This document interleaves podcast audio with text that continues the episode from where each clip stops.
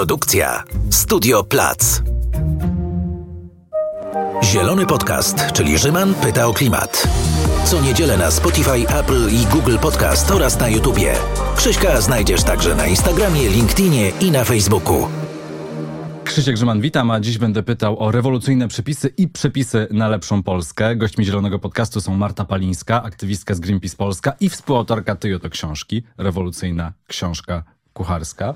Dobrze widzę? Tak. Czyli przepisy na lepszą Polskę. Witaj. Zgadza się, dzień dobry. I doktor Konrad Skotnicki, czyli doktor z TikToka, e, popularyzator nauki, no i również aktywista Greenpeace Polska. Dzień dobry, dzień dobry. Dzień dobry, dzień dobry, chociaż wiecie, z tym dzień dobry y, trzeba uważać, bo nie dla wszystkich taki dobry. No i ten rok też w ogóle y, trudny, ale zacznijmy od rozmowy o książce. To nie jest zwykła książka kucharska. To prawda. Y, to książka, która łączy w sobie przepisy na wegańskie, roślinne dania z przepisami na lepszą Polskę, czyli na zmiany społeczne, zmiany gospodarcze, których y, potrzebuje Polska y, i które są konieczne ze względu na stan planety. E, ale też e, ze względu na kumulujące się kryzysy. E, kryzys klimatyczny i ekologiczny jakoś wyraża właśnie stan planety, ale też rosnące nierówności społeczne czy rosnące koszty życia, które to wszystkie te kryzysy się właśnie w ostatnich miesiącach kumulują. Kumulowały się też w czasie pisania i tworzenia tej książki, mm, więc staraliśmy się szukać przepisów na przyszłość, które dają nadzieję i które pozwalają na zbudowanie takiej przyszłości, która zaspokoi podstawowe potrzeby ludzi bez jednoczesnego niszczenia e, przyrody i tego, co umożliwia nam życie na planecie.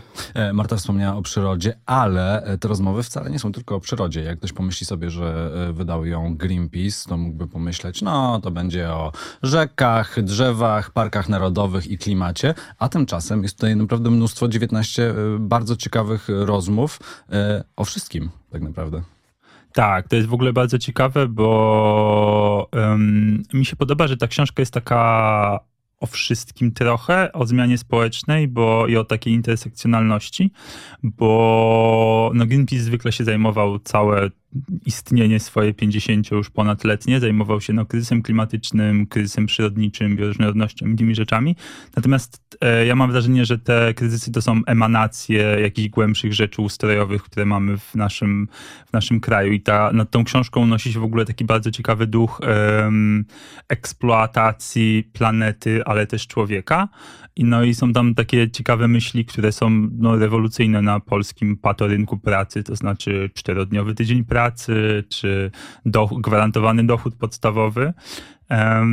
I ona trochę łączy takie rzeczy, że kryzys klimatyczny nie wynika tylko z tego, że emitujemy za dużo dwutlenku węgla, ale wynika z tego, że za dużo pracujemy, że za bardzo eksploatujemy zasoby naturalne i za bardzo eksploatujemy też siebie, w sensie zasoby ludzkie. E, ja jeszcze tylko chciałam dodać, że e, tu złapałeś... No, mamy dużo czasu, to... Złapałeś się tej przyrody, a e, no właśnie chyba wszystko polega na tym, że my też jesteśmy częścią przyrody, dlatego ta książka też jest o ludziach i o, o tym, jak działają społeczeństwa, mm, ale też o tym, że żyjemy w systemie, który jest oparty na, na tym, że, że ciągle powinien wzrastać nasz poziom PKB i ciągle powinna rosnąć, rosnąć produktywność. E, no a to się nie dzieje w próżni, to się wszystko dzieje właśnie w przyrodzie, z której e, to się korzysta bez opamiętania, właśnie eksploatującym do granic możliwości i wytrzymałości. E, więc to wszystko jest wciąż o, o przyrodzie, ale, ale w trochę innym rozumieniu.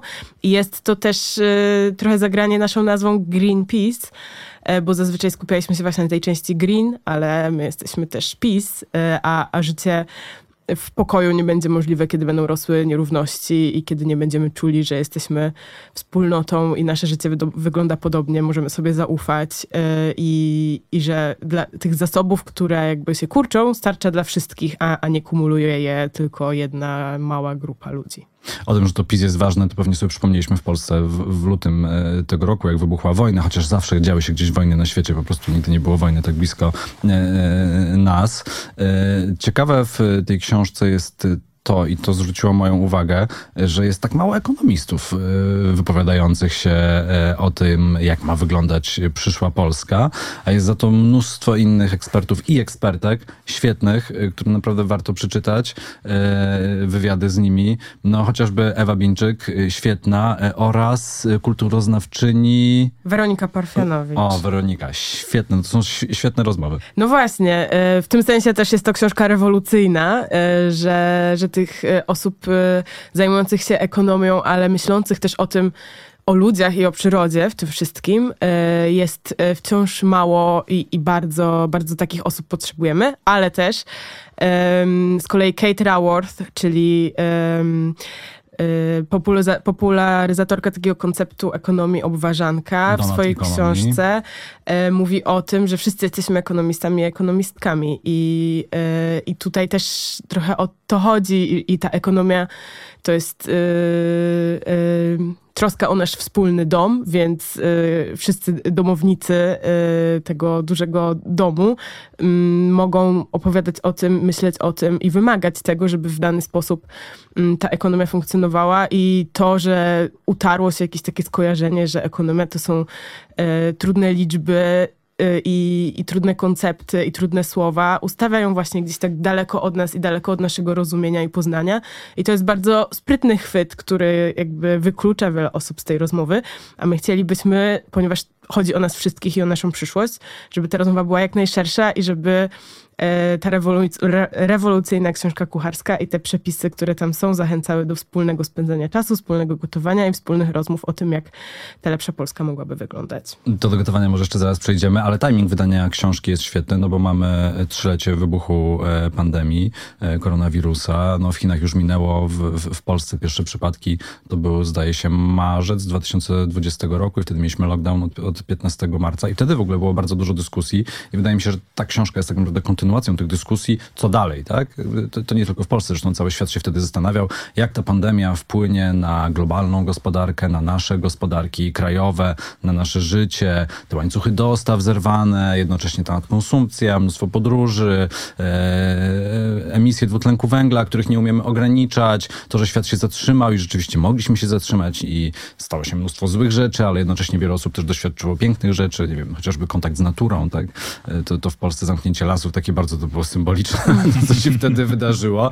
I wydaje mi się, że to jest y, no, zebranie wielu myśli y, i może też podsunięcie wielu myśli osobom, które zaczęły się zastanawiać po, po, po, po tamtych lockdownach, no dobra i co dalej, czy da się to zorganizować inaczej? A z drugiej strony też myśląc o timingu, no to myślę sobie też, że za rok mamy wybory w Polsce, no i to byłby świetny program wyborczy, tylko że żyjemy w Polsce, a nie na tak zwanym zachodzie, gdzie te progresywne myśli są może łatwiej przyswajalne, ludzie są na nie bardziej otwarte i zastanawiam się, czy ta książka, e, nie, już nie wiem, jakie jest moje pytanie. Masz możecie doskonale... odpowiedzieć, możecie odpowiedzieć na cokolwiek, możecie powiedzieć cokolwiek, wymieńmy się swoimi myślami, podbijajmy je, że, że jednocześnie to może być w Polsce za daleko, że wiecie, no, my, my jednak wolimy te małe kroki do przodu, a te rewolucje to chyba się dzieją, dzieją gdzie indziej. No, takie mam wrażenie, że jesteśmy bardziej na wschodzie niż na zachodzie niestety.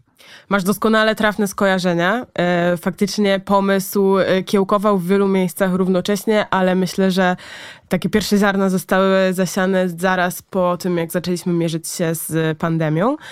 E, I wtedy Greenpeace przedstawił e, taki pomysł Zielonego Państwa Dobrobytu. I tam spisaliśmy właśnie kilka myśli opierając się na głosach właśnie ekonomistów i ekonomistek, jak powinniśmy myśleć o o Polsce, o życiu, o ekonomii, o społeczeństwie mm, po pandemii.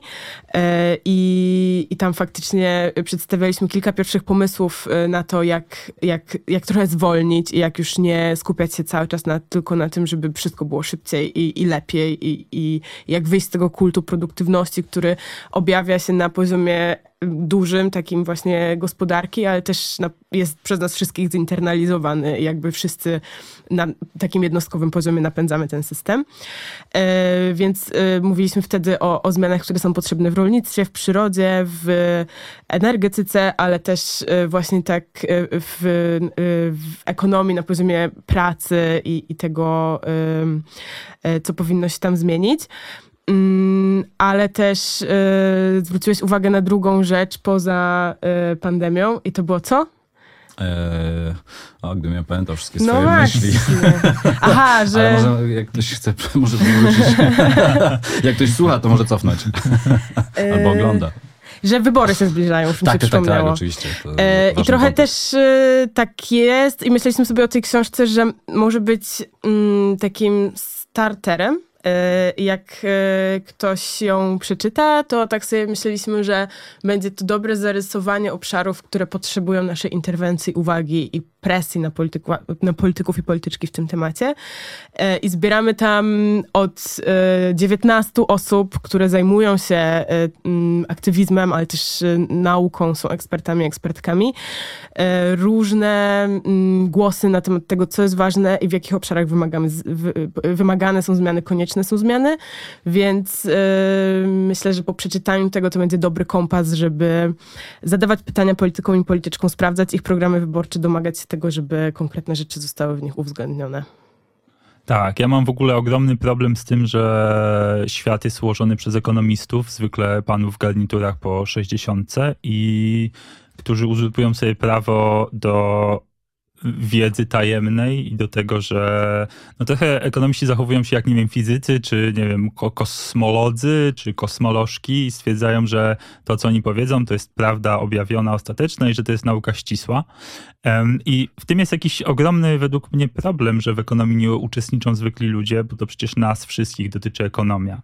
Więc em, dlaczego to panowie, którzy niech, do których głów nie może dojść po tylu latach kryzysów, że w nasz obecny system ekonomiczny, w kapitalizm kryzysy są właściwie wbudowane nieodłącznie, nie może dojść do ich głowy, że potrzebujemy jakichś radykalnych zmian. Teraz na przykład na świecie jest coraz więcej eksperymentów z czterodniowym tygodniem pracy albo ze zmniejszeniem liczby godzin pracy bez zmniejszenia pensji.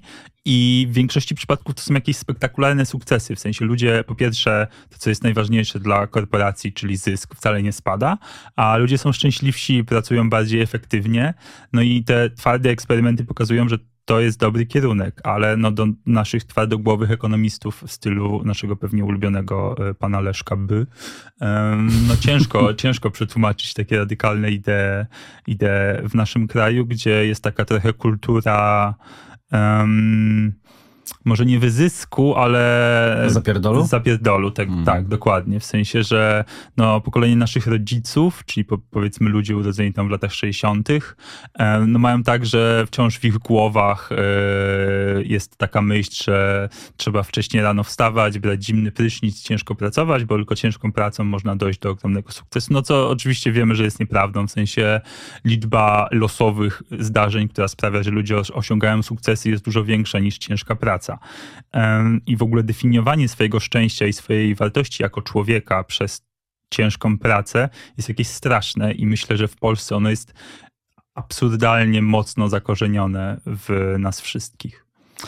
E, No mój tato jest ewangelikiem, więc e, mam to mocno zakorzenione, że trzeba bardzo ciężko pracować i praca jest najważniejsza w życiu, więc dziękuję i pozdrawiam. E, Ale śledzę sobie, śledzę sobie zagraniczne media i patrzę na przykład to, co się dzieje z przejęciem Twittera przez Ilona Maska i to, co on tam mówi swoim pracownikom, poza tym, że zwolnił ponad połowę i zrobił to w taki mało kulturalny sposób i też ich tam ciśnie na maksa tych pracowników i kazał im się podpisać pod takim nie wiem, tam było manifestem, czy może to była tylko jakaś e, w jakimś intranecie firmowym, ale że zobowiązują się do hardkorowej pracy na rzecz Twittera, bo inaczej się nie uda.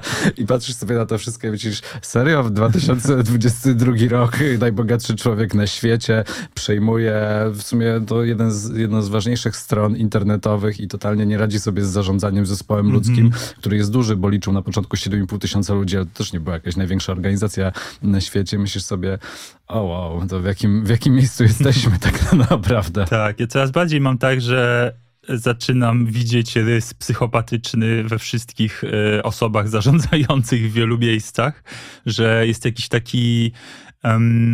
że w Polsce w ogóle nie ma takiego modelu zarządzania partycypacyjnego, że razem dążymy do jakiegoś celu i w sensie, że ja, ja- zawsze to sobie tłumaczę trochę przykładem chirurgów, bo no ja jestem płci, jakiej jestem, więc jestem wychowany w czymś takim, że rządzenie twardą ręką prowadzi do sukcesu, że nie ma tak, bo jeżeli nie będziemy rządzili twardą ręką, to ludzie się rozprężą i ludzie będą, nie będą pracowali, będą unikali pracy. I to jest według mnie straszne, bo no, różne doświadczenia pokazują, że na przykład y, spółdzielnie świetnie działają. W tej książce Jan Zygmuntowski świetnie... No właśnie tutaj chciałem nawiązać do książki z powrotem, bo Marta już się tak niepokoiła, że rozmowa skręciła gdzieś na jakieś na boczne tory na Twittera, a tymczasem Janek Zygmuntowski z Cooptech Hub E, jest w książce. Tak, więc taka współodpowiedzialność za jakiś projekt, firmę, spółdzielnię czy cokolwiek też daje spektakularne efekty, no bo jeżeli nie czujesz, że musisz odbębnić 8 godzin, dostać wypłatę i wrócić do domu i zapomnieć o swojej firmie, to ale rzeczywiście masz w niej udziały, ale nie takie rynkowe, korporacyjne udziały, tylko po prostu jesteś współodpowiedzialny za nią, no to brzmi jak piękna utopijna wizja um, i ja w nią, szczerze mówiąc, wierzę. Ja w mało utopijnych wizji wierzę, ale ta spółdzielczość brzmi jak coś, co ewidentnie się może udać, tylko nie może być zrobione po polsku, tak jak, nie wiem, spółdzielnie mieszkaniowe, które są jakąś patologią Polski, więc myślę, że da się to zrobić dobrze. Ale to wszystko, co padło, nawiązuje też trochę do i kojarzy mi się z kolejnym przepisem e, znowu Weroniki Parfianowicz, e, która mówi o związkach zawodowych i mówi o tym, że e, chociaż, że, że, że po pierwsze E, związki zawodowe mają taką siłę decydowania o tym, w jaki sposób e, pracuje ich firma e, i mogą na to wpływać. I, I tak naprawdę, gdyby tych związków zawodowych było więcej, gdyby byłyby silne, no to jest tam szansa na poważne zmiany, no bo nikt nie chce pracować w sposób, który niszczy podstawy życia na Ziemi i, i podcina gałąź, na której wszyscy siedzimy. I, no i, i, i szczerze pewnie nikt z nas nie chciałby pracować w miejscu, które y, zamienia miejsce naszego zamieszkania w jakieś toksyczne wyrobisko i tak dalej. Mm, albo nie, chcie, nie chcielibyśmy produkować komputerów, które są y, projektowane tak, żeby się, żeby się psuły i, i gdyby te związki zawodowe były silniejsze, to i gdyby więcej osób się zrzeszało w nich, to, to też byłby jakiś sposób na y, zmianę y, na tym poziomie gospodarczym. E, ale też Weronika mówi o tym, że nawet jeżeli żądania e, związków zawodowych nie są stricte związane z klimatem i z e, przyrodą, to i tak są ważne, bo mogą zmienić właśnie te podstawy systemu, na którym który to doprowadza właśnie do, do wyzysku planety i wyzysku przyrody.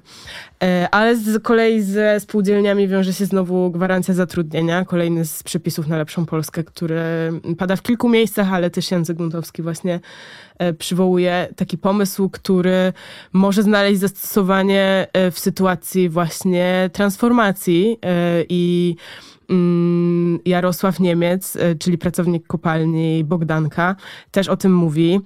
Boże, to mi się w ogóle tak bardzo podoba. Szczególnie ostatnio to, to w wielu miejscach. I na konwencji Zielonych był e, szef Związku Zawodowego z kopalni Makoszowy. Wy byliście ostatnio z Dominiką Lasotą, Wiktorią Jędruszkowiak na ostatniej barburce na, kopalni Makoszowy, że tak ta władza w Polsce w sumie, i to pewnie nie jedna, ale wiele, e, tak obróciła całą sytuację i narrację, że nagle górnicy są razem z zielonymi aktywistami. To jest niesamowite. No właśnie. w zasadzie jednym głosem. tak, i to y, ta rozmowa z Jarosławem Niemcem w naszej książce zaczyna się od tego, czy to nie jest y, zaskakujące, że, że, że Greenpeace rozmawia z y, pracownikiem kopalni i Jarosław odpowiada, że no co w tym zaskakującego postawiono nas po przeciwnych stronach barykady, a tak naprawdę przed nami E, wspólne niebezpieczeństwo i wspólne zagrożenie, z którym wszyscy będziemy się mierzyli. E, I rozmawiamy z Jarosławem dużo o pracy właśnie i o tym, że wszyscy chcieliby, chcieli, żeby, chcieliby, żeby ich praca była stabilna, godnie wynagradzana, pewna, e, najlepiej też blisko miejsca zamieszkania i, i żeby mm, transformacja, która będzie działa się w górnictwie nie powodowała, że musimy wyjeżdżać za granicę albo wyjeżdżać do dużych miejscowości, tylko żeby ta praca powstawała w miejscach, w których my żyjemy, koło nas i żeby odpowiadała na lokalne potrzeby. I właśnie często trudno znaleźć rynkowe zatrudnienie e, w takich miejscach, które będą odpowiadały na lokalne potrzeby, bo to się zwyczajnie nie opłaca. I w tym sensie właśnie ta gwarancja zatrudnienia, którą oferuje państwo, byłaby sensowna, bo nie chodziłoby o zysk, tylko o to, żeby zaspokoić podstawowe potrzeby ludzi, którzy żyją w tych miejscach e, i te osoby mogłyby tam znajdować pracę. I Jarosław mówi właśnie mm, o górnictwie i że to tam będzie musiało się zmieniać, a z kolei Kuba Rok mówi o leśnictwie, że tam też jest bardzo dużo osób zatrudnionych i jak w końcu zrozumiemy, że, y, że przyrodę należy chronić i umożliwiać nam y, sytuacje, w których możemy nawiązywać z przyrodą relacje. Y, I że przyroda powinna mieć swojego rzecznika. też, też to mówię, to prawda. Prawdziwego rzecznika. Mamy ministrów środowiska, to ja nie to sobie. Dyrekcję lasów, dyrekcję wycinania lasów. E, tak, e, ale też e, Kubarok mówi o istniejących instytucjach, które mogłyby stać się rzecznikami, rzeczniczkami przyrody, o dyrekcjach ochrony środowiska, które w założeniu mają wydawać jakieś decyzje na temat tego, czy, czy dane inwestycje wpływają na środowisko, czy nie. Decyzje środowiskowe, tak. Więc są w jakimś sensie rzecznikami i rzeczniczkami tej przyrody, tylko takim, no właśnie, w sensie y, nie trzeba byłoby tworzyć nowej instytucji, ani pewnie w dużej mierze zmieniać opisu tego stanowiska. Y, musiałaby się zmienić y, myślenie o tym i wartości, którymi się kierujemy. Natomiast y, wracając jeszcze y, do tego leśnictwa y, i do zmian i do transformacji, dużo rozmawiamy w tej książce o pracy, o pracy przyszłości, która będzie opierała się o troskę. I właśnie Kubarok mówi, że, że to może być troska o, o przyrodę, ale też troska o ludzi. E, I, I później właśnie z Agnieszką Graf, z Weroniką Parfianowicz, z różnymi osobami rozmawiamy o tym, jak bardzo potrzebna będzie praca opiekuńcza, która powinna być godnie wynagradzana. I Pewnie z Marcelem też o tym rozmawiać. Dokładnie tak. Z Marcelem Andinovelezem rozmawiamy o tym, e, że więcej osób powinno, sorry, powinno znaleźć zatrudnienie w geriatrii w związku ze starzejącym się społeczeństwem. Mm, Ale też Agnieszka Graf mówi o tym, że to jest y, niesamowity paradoks, że w dzisiejszym świecie więcej płacimy osobie, która zajmuje się naszym samochodem albo komputerem, niż osobie, która zajmuje się naszym starym, chorym ojcem czy naszym dzieckiem.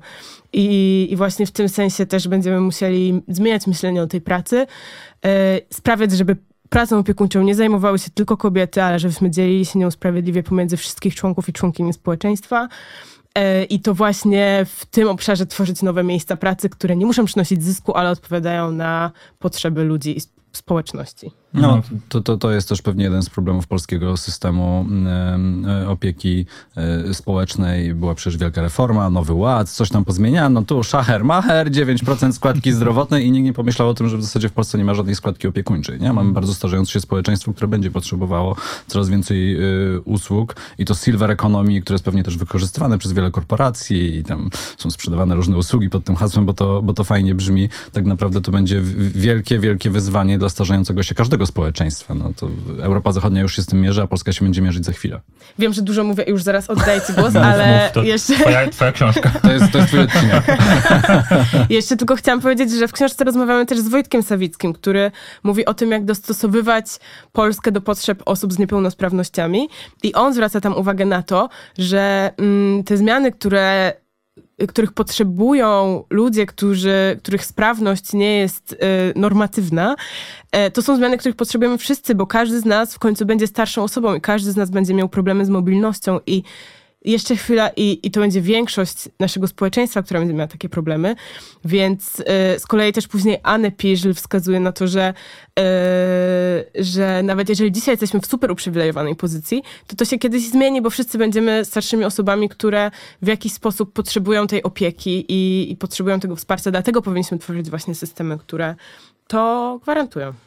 I o LGBT jest tutaj e, też rozmowa e, o języku bardziej e, inkluzywnym, o migrantach, no jakby by ca- cały przekrój aktualnych problemów. Tak, no pandemia pokazała świetnie, y, jakich ludzi naprawdę potrzebujemy, jakich zawodów naprawdę potrzebujemy, że może nie potrzebujemy aż tylu bankierów i maklerów na świecie, że to nie są zawody, które powinny być wynagradzane pięciocyfrowymi kwotami, tylko potrzebujemy ludzi, którzy zajmą się innymi ludźmi, potrzebujemy pielęgniarek więcej, potrzebujemy nauczycieli. Zresztą też kryzys y, związany z atakiem Rosji na Ukrainę pokazał, jak dużo e, dzieci na przykład przyjechało do nas z Ukrainy i teraz e, nauczyciele w ogóle są pierwszą linią frontu, którą, którzy, którzy muszą sobie radzić w tym nowym systemie bez żadnej pomocy państwa, ze swoimi pensjami, które są absurdalne, jeżeli chodzi o edukację w Polsce. E, czytałem bardzo dużo właśnie o nauczycielach i nauczycielkach, do których przychodzą dzieci z Ukrainy, które nie mówią po polsku i ani państwo, ani szkoła, ani kuratoria, ani Ministerstwo Edukacji nie zapewnia pomocy. Oni i one sami muszą się uczyć języka, sami muszą organizować nową klasę, w której nagle jest, nie wiem, 30% osób nie mówiących w języku, w którym się mówi w tej klasie.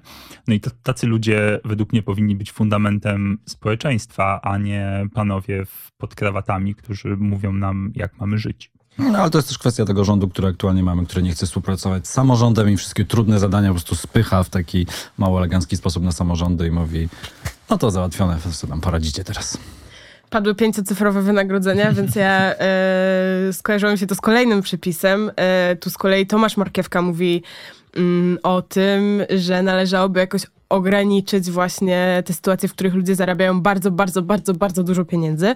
E, I w całej książce to się przewija kilka razy, pojawiają się różne pomysły na to. Oczywiście e, opodatkowanie najbogatszych osób na świecie, co w Polsce nie do końca e, pewnie miałoby sens, ale też... Podobno lepszym rozwiązaniem od tax the rich jest eat the rich.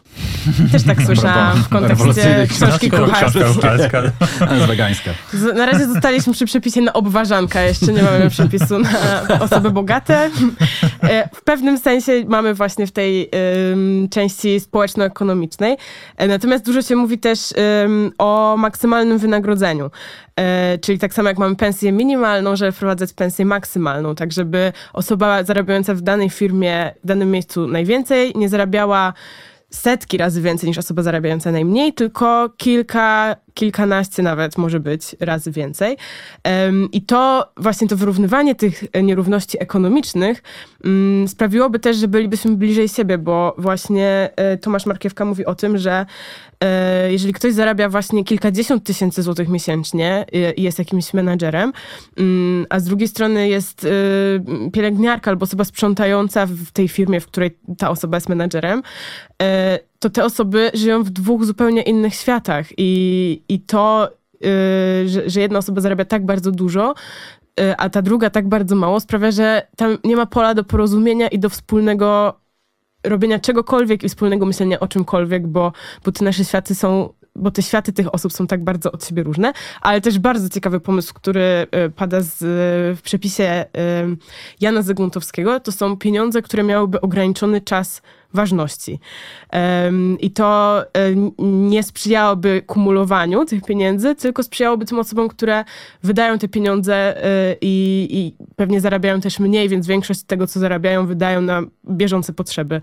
E, I to był jakiś taki super rewolucyjny pomysł, więc jak ja to usłyszałam, to byłam super podekscytowana, że, że są po prostu pieniądze, które wygasają, jeżeli są nieużywane i, i ich nie kumulujemy, e, tylko używają ich i mają je te osoby, które tego serio potrzebują powiem. To tak, ktoś zainwestuje tutaj, ktoś zainwestuje w bitcoiny i zapomni klucza do portfela, albo upadnie mu ta giełda, na której trzymał, trzymał te pieniądze. Nie, no to nie, nie, nie śmieszkujmy, bo to poważne pomysły. Zresztą ta rewolucja technologiczna być może też pomoże, a z drugiej strony ślepe zapatrzenie w to, że technologia to też wszystko adresujemy no, w rewolucyjnych Ja według wiemy, wszystko, wiemy. Sztuczna inteligencja wszystko rozwiąże, będzie po, po sprawie. Nie tak, no, tak, tak, tak, tak, są oczywiście, są, są oczywiście nowe rozwiązania, też bardzo ciekawe. Będę musiał w ogóle zmienić te, tematykę podcastu w przyszłym roku, bo już o klimacie wydaje mi się, że powiedzieliśmy wszystko. Że w ogóle wszystko już zostało powiedziane w tych, w tych tematach. No i o czym my tu rozmawiamy? No będą wybory w przyszłym roku, może coś się zmieni. To Bart Staszewski mówi o tym, że to jest bardzo ważne poza aktywizmem, żeby brać udział w wyborach. To jest super ważna sprawa. Jak ktoś nie bierze udziału w wyborach, to no, jakby trudniej potem narzekać, ale też no, to jest ten najprostszy sposób. Y, zajmuje to pewnie pół godziny, żeby coś zmienić w kraju. Tak? Jak no, już no się nie chce wychodzić protestować, nie chce, nie chce ci się robić innych rzeczy, to idź po prostu zagłosuj i, i przeczytaj może najpierw te programy albo chociaż jakieś hasła i, i wiedz na kogo y, głosujesz. Mamy bardzo mało czasu i, i milion wątków jeszcze do poruszenia i zastanawiam się, o czym byśmy y, mogli porozmawiać, ale może o przepisach, które są w książce, ale tych przepisach kulinarnych, skąd one się wzięły? E, ta książka jest w ogóle na wielu etapach współtworzona przez bardzo dużo osób e, i, i, nawet na etapie wydawania e, osoby dołączyły do tego wydawania, wspierając nas finansowo. Jeszcze zanim książka powstała, jakoś ufając temu pomysłowi i tej idei, temu, że będziemy rzeczniczkami, rzecznikami składnikami tych e, wszystkich pomysłów i przepisów. E, ale te przepisy na roślinne dania też powstawały właśnie w taki zbiorowy sposób e, i zaprosiliśmy do dzie- podzielenia się tymi przepisami osoby, które są w naszej społeczności, osób w mediach społecznościowych. I zależało nam na przepisach, które będą przygotowywane z roślinnych składników, z takich składników, które są jak najbardziej dostępne, też w mniejszych miejscowościach, nie tylko w dużych supermarketach w Warszawie, które są e, jak najmniej szkodliwe dla środowiska, chociaż to jest oczywiście temat rzeka i tutaj bardzo trudno jest mieć takie, e, taką stuprocentową pewność, że, że to wszystko jest e, super ekologiczne i bez żadnej presji na środowisko. Zresztą też w ogóle to te, ta kulinarna część tej książki jest moim zdaniem świetnym odzwiercied- odz- odzwierciedleniem w ogóle tych wszystkich problemów, o których mówimy w tej drugiej części książki, bo to w jaki sposób wytwarza się żywność, w jaki sposób się ją transportuje, w jaki sposób się ją kupuje i gotuje, bardzo odzwierciedla te wszystkie właśnie problemy, które mamy, bo, bo produkcja powoduje emisję gazów cieplarnianych, utratę bioróżnorodności, zmianę sposobu użytkowania ziemi, e, zatruwanie wody azo,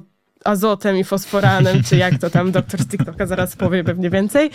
E, Marta, to miała być ta część rozmowy, kiedy rozmawiamy o kartaczach, więc sorry, jakby dobra. fajnie, fajnie, wszyscy już to wiemy, to teraz coś miłego na koniec. Nie, żartuję. To, E, to tylko dokończę, to- bo to jak ja to odkryłam, byłam e, zafascynowana, że w zasadzie e, trochę, trochę był to przypadek, że ta część kulinarna, e, no właśnie, w zasadzie chyba nie możemy mówić o przypadku, bo to wszystko jest tak bardzo powiązane, Nie bo nie dość, nie dość, że ta produkcja, to jeszcze ten transport, widzimy przez, przez pandemię, przez kryzys klimatyczny, jak bardzo te globalne łańcuchy dostaw i produkcji globalnej żywności, to się może w każdym momencie zerwać i, i, i wojna też to pokazała i nagle mamy jakieś sytuacje straszenia ludzi głodem i tak dalej.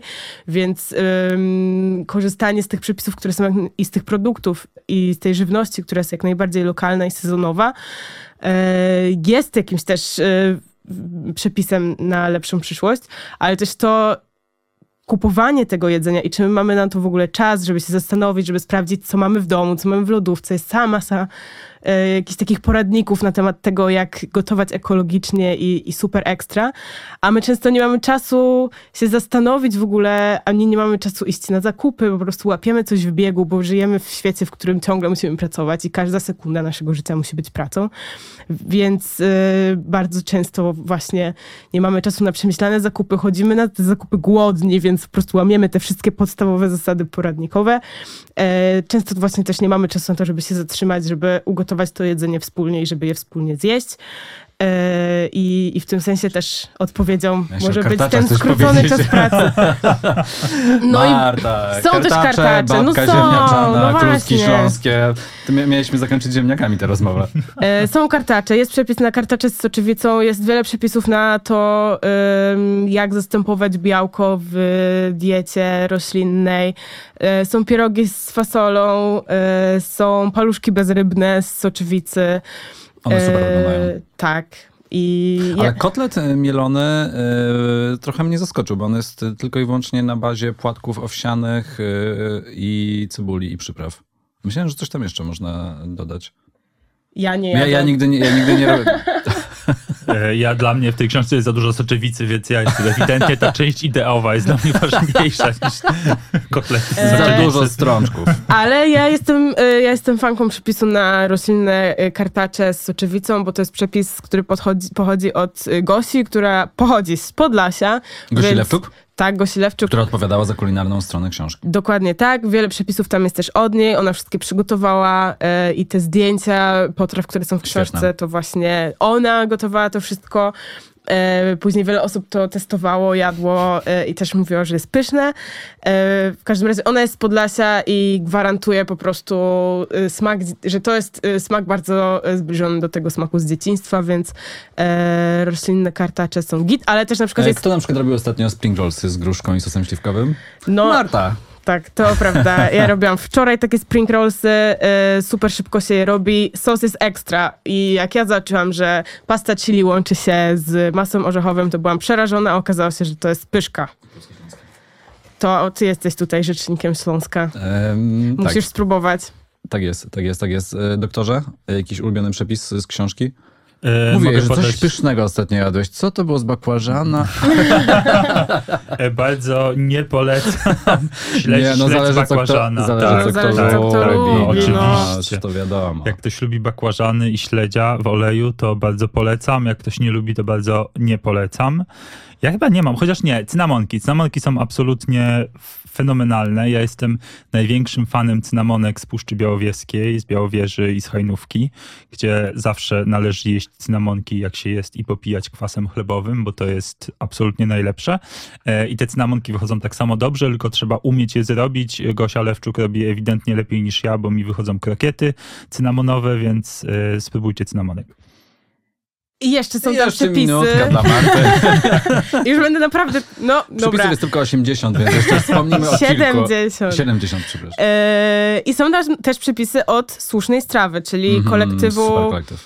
osób z doświadczeniem migracji i uchodźstwa i, e, i pomyśleliśmy sobie, że e, skoro kuchnia jakoś odzwierciedla kulturę, w jakiej żyjemy, to takie przepisy też muszą znaleźć się w naszej książce, bo nasza kultura w ostatnich miesiącach e, bardzo się e, zaczęła zmieniać i, no, i stajemy się coraz bardziej różnorodni i to jest super i bardzo chcieliśmy to pokazać też w tej książce, więc bardzo dziękujemy Słusznej Strawie za podzielenie się przepisami e, i mamy nadzieję coś wspólnie ugotować. Jest też kuchnia konfliktu, która też łączy te dwa tematy, więc dużo potencjałów do wspólnego gotowania i rozmów o lepszej Polsce. Przekroczyliśmy czas, a ja jeszcze myślałem, że porozmawiamy o fuzji jądrowej. E, doktorze, może jakieś jedno zdanie na koniec, bo tu wielkie odkrycie w Stanach Zjednoczonych. Może będziemy mieli rzeczywiście czystą, czystą e, energię z atomu, e, bo czystą w tym sensie, że bez odpadów radioaktywnych. Tak się ucieszyłem, jak przeczytałem, bo wszystkie portale oczywiście zaczęły o tym rozpisywać, że wreszcie w fuzji jądrowej udało się wygenerować więcej energii niż jest potrzebny na ten tak zwany zapłon, a potem przeczytałem, komercjalizacja technologii możliwa jest za kilkadziesiąt lat i to jest takie grube kilkadziesiąt typu 60. To jest- to jest- I jest- na początku się ucieszyłem, potem pomyślałem, okej, dobra. Ja zawsze jak tu jestem, to zawsze musisz mi zadać jakieś pytanie o y, albo fuzję jądrową, albo rozszczepienie jąder, więc e, jest taki żart wśród chemików radiacyjnych, którym jestem, e, że fuzja jądrowa jest zawsze za 20 lat i nieważne, czy gadaliśmy o tym 20 lat temu, czy teraz, ona jest zawsze za 20 lat. Mamy rozwiązania, które już teraz istnieją.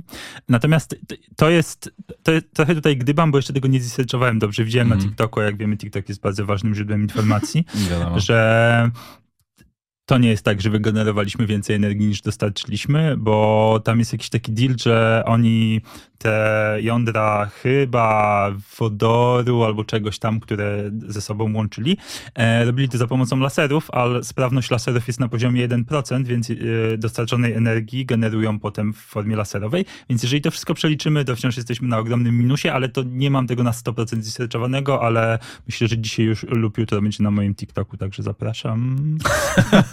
Wiecie, gdzie znaleźć, wiecie, gdzie znaleźć doktora. No, są takie inne rozwiązania na czystą energię, na przykład wiatraki, Fuj, e, panele fuj. fotowoltaiczne. Jest parę, parę gotowych rozwiązań. Słuchajcie, musimy kończyć. Jak tak zapraszamy w różne miejsca, to zapraszamy też na stronę rewolucyjna.pl, gdzie można przeczytać więcej o książce. No i można też e, wspomóc Greenpeace i otrzymać książkę. Dokładnie tak, jak zrobicie to jeszcze w tym tygodniu, Mhm. to... Premiera podcastu jest w niedzielę, a rozmawiamy No to w środę, ostatni więc będzie ostatni moment. dzwonek, żeby dostać książkę przed świętami. Dokładnie tak, ale jak nie zdążycie przed świętami, to pewnie po świętach też będzie sprawiała dużo radości, więc zachęcamy. Tak, i do takiego kontrybuowania na rzecz Greenpeace'u regularnie, nie tylko jednorazowo. Można tam kliknąć i wtedy będzie z karty Dokładnie czy z tak. PayPala pobierało można pieniądze też ładny regularnie. plakat do tej książki e, Oli Jasionowskiej. Albo Patryka Albo- Hardzieja albo Marty Frey. No i tu stawiamy kropkę. E, Marta Palińska, dr Konrad Skotnicki, Greenpeace Polska, e, doktor z TikToka, rewolucyjna.pl. E, Bardzo wam dziękuję za rozmowę. Zapraszam do czytania, kupowania książki, gotowania, głosowania w wyborach. No i to tyle. Dziękujemy. Dziękujemy bardzo. A Zielony Podcast jest teraz także do zobaczenia na YouTubie. Krzysiek Grzyman, do usłyszenia i do zobaczenia. To był Zielony Podcast, czyli Rzyman pyta o klimat. Co niedzielę na Spotify, Apple i Google Podcast oraz na YouTubie. Pamiętaj, żeby subskrybować kanał. Nie przegapisz żadnego odcinka.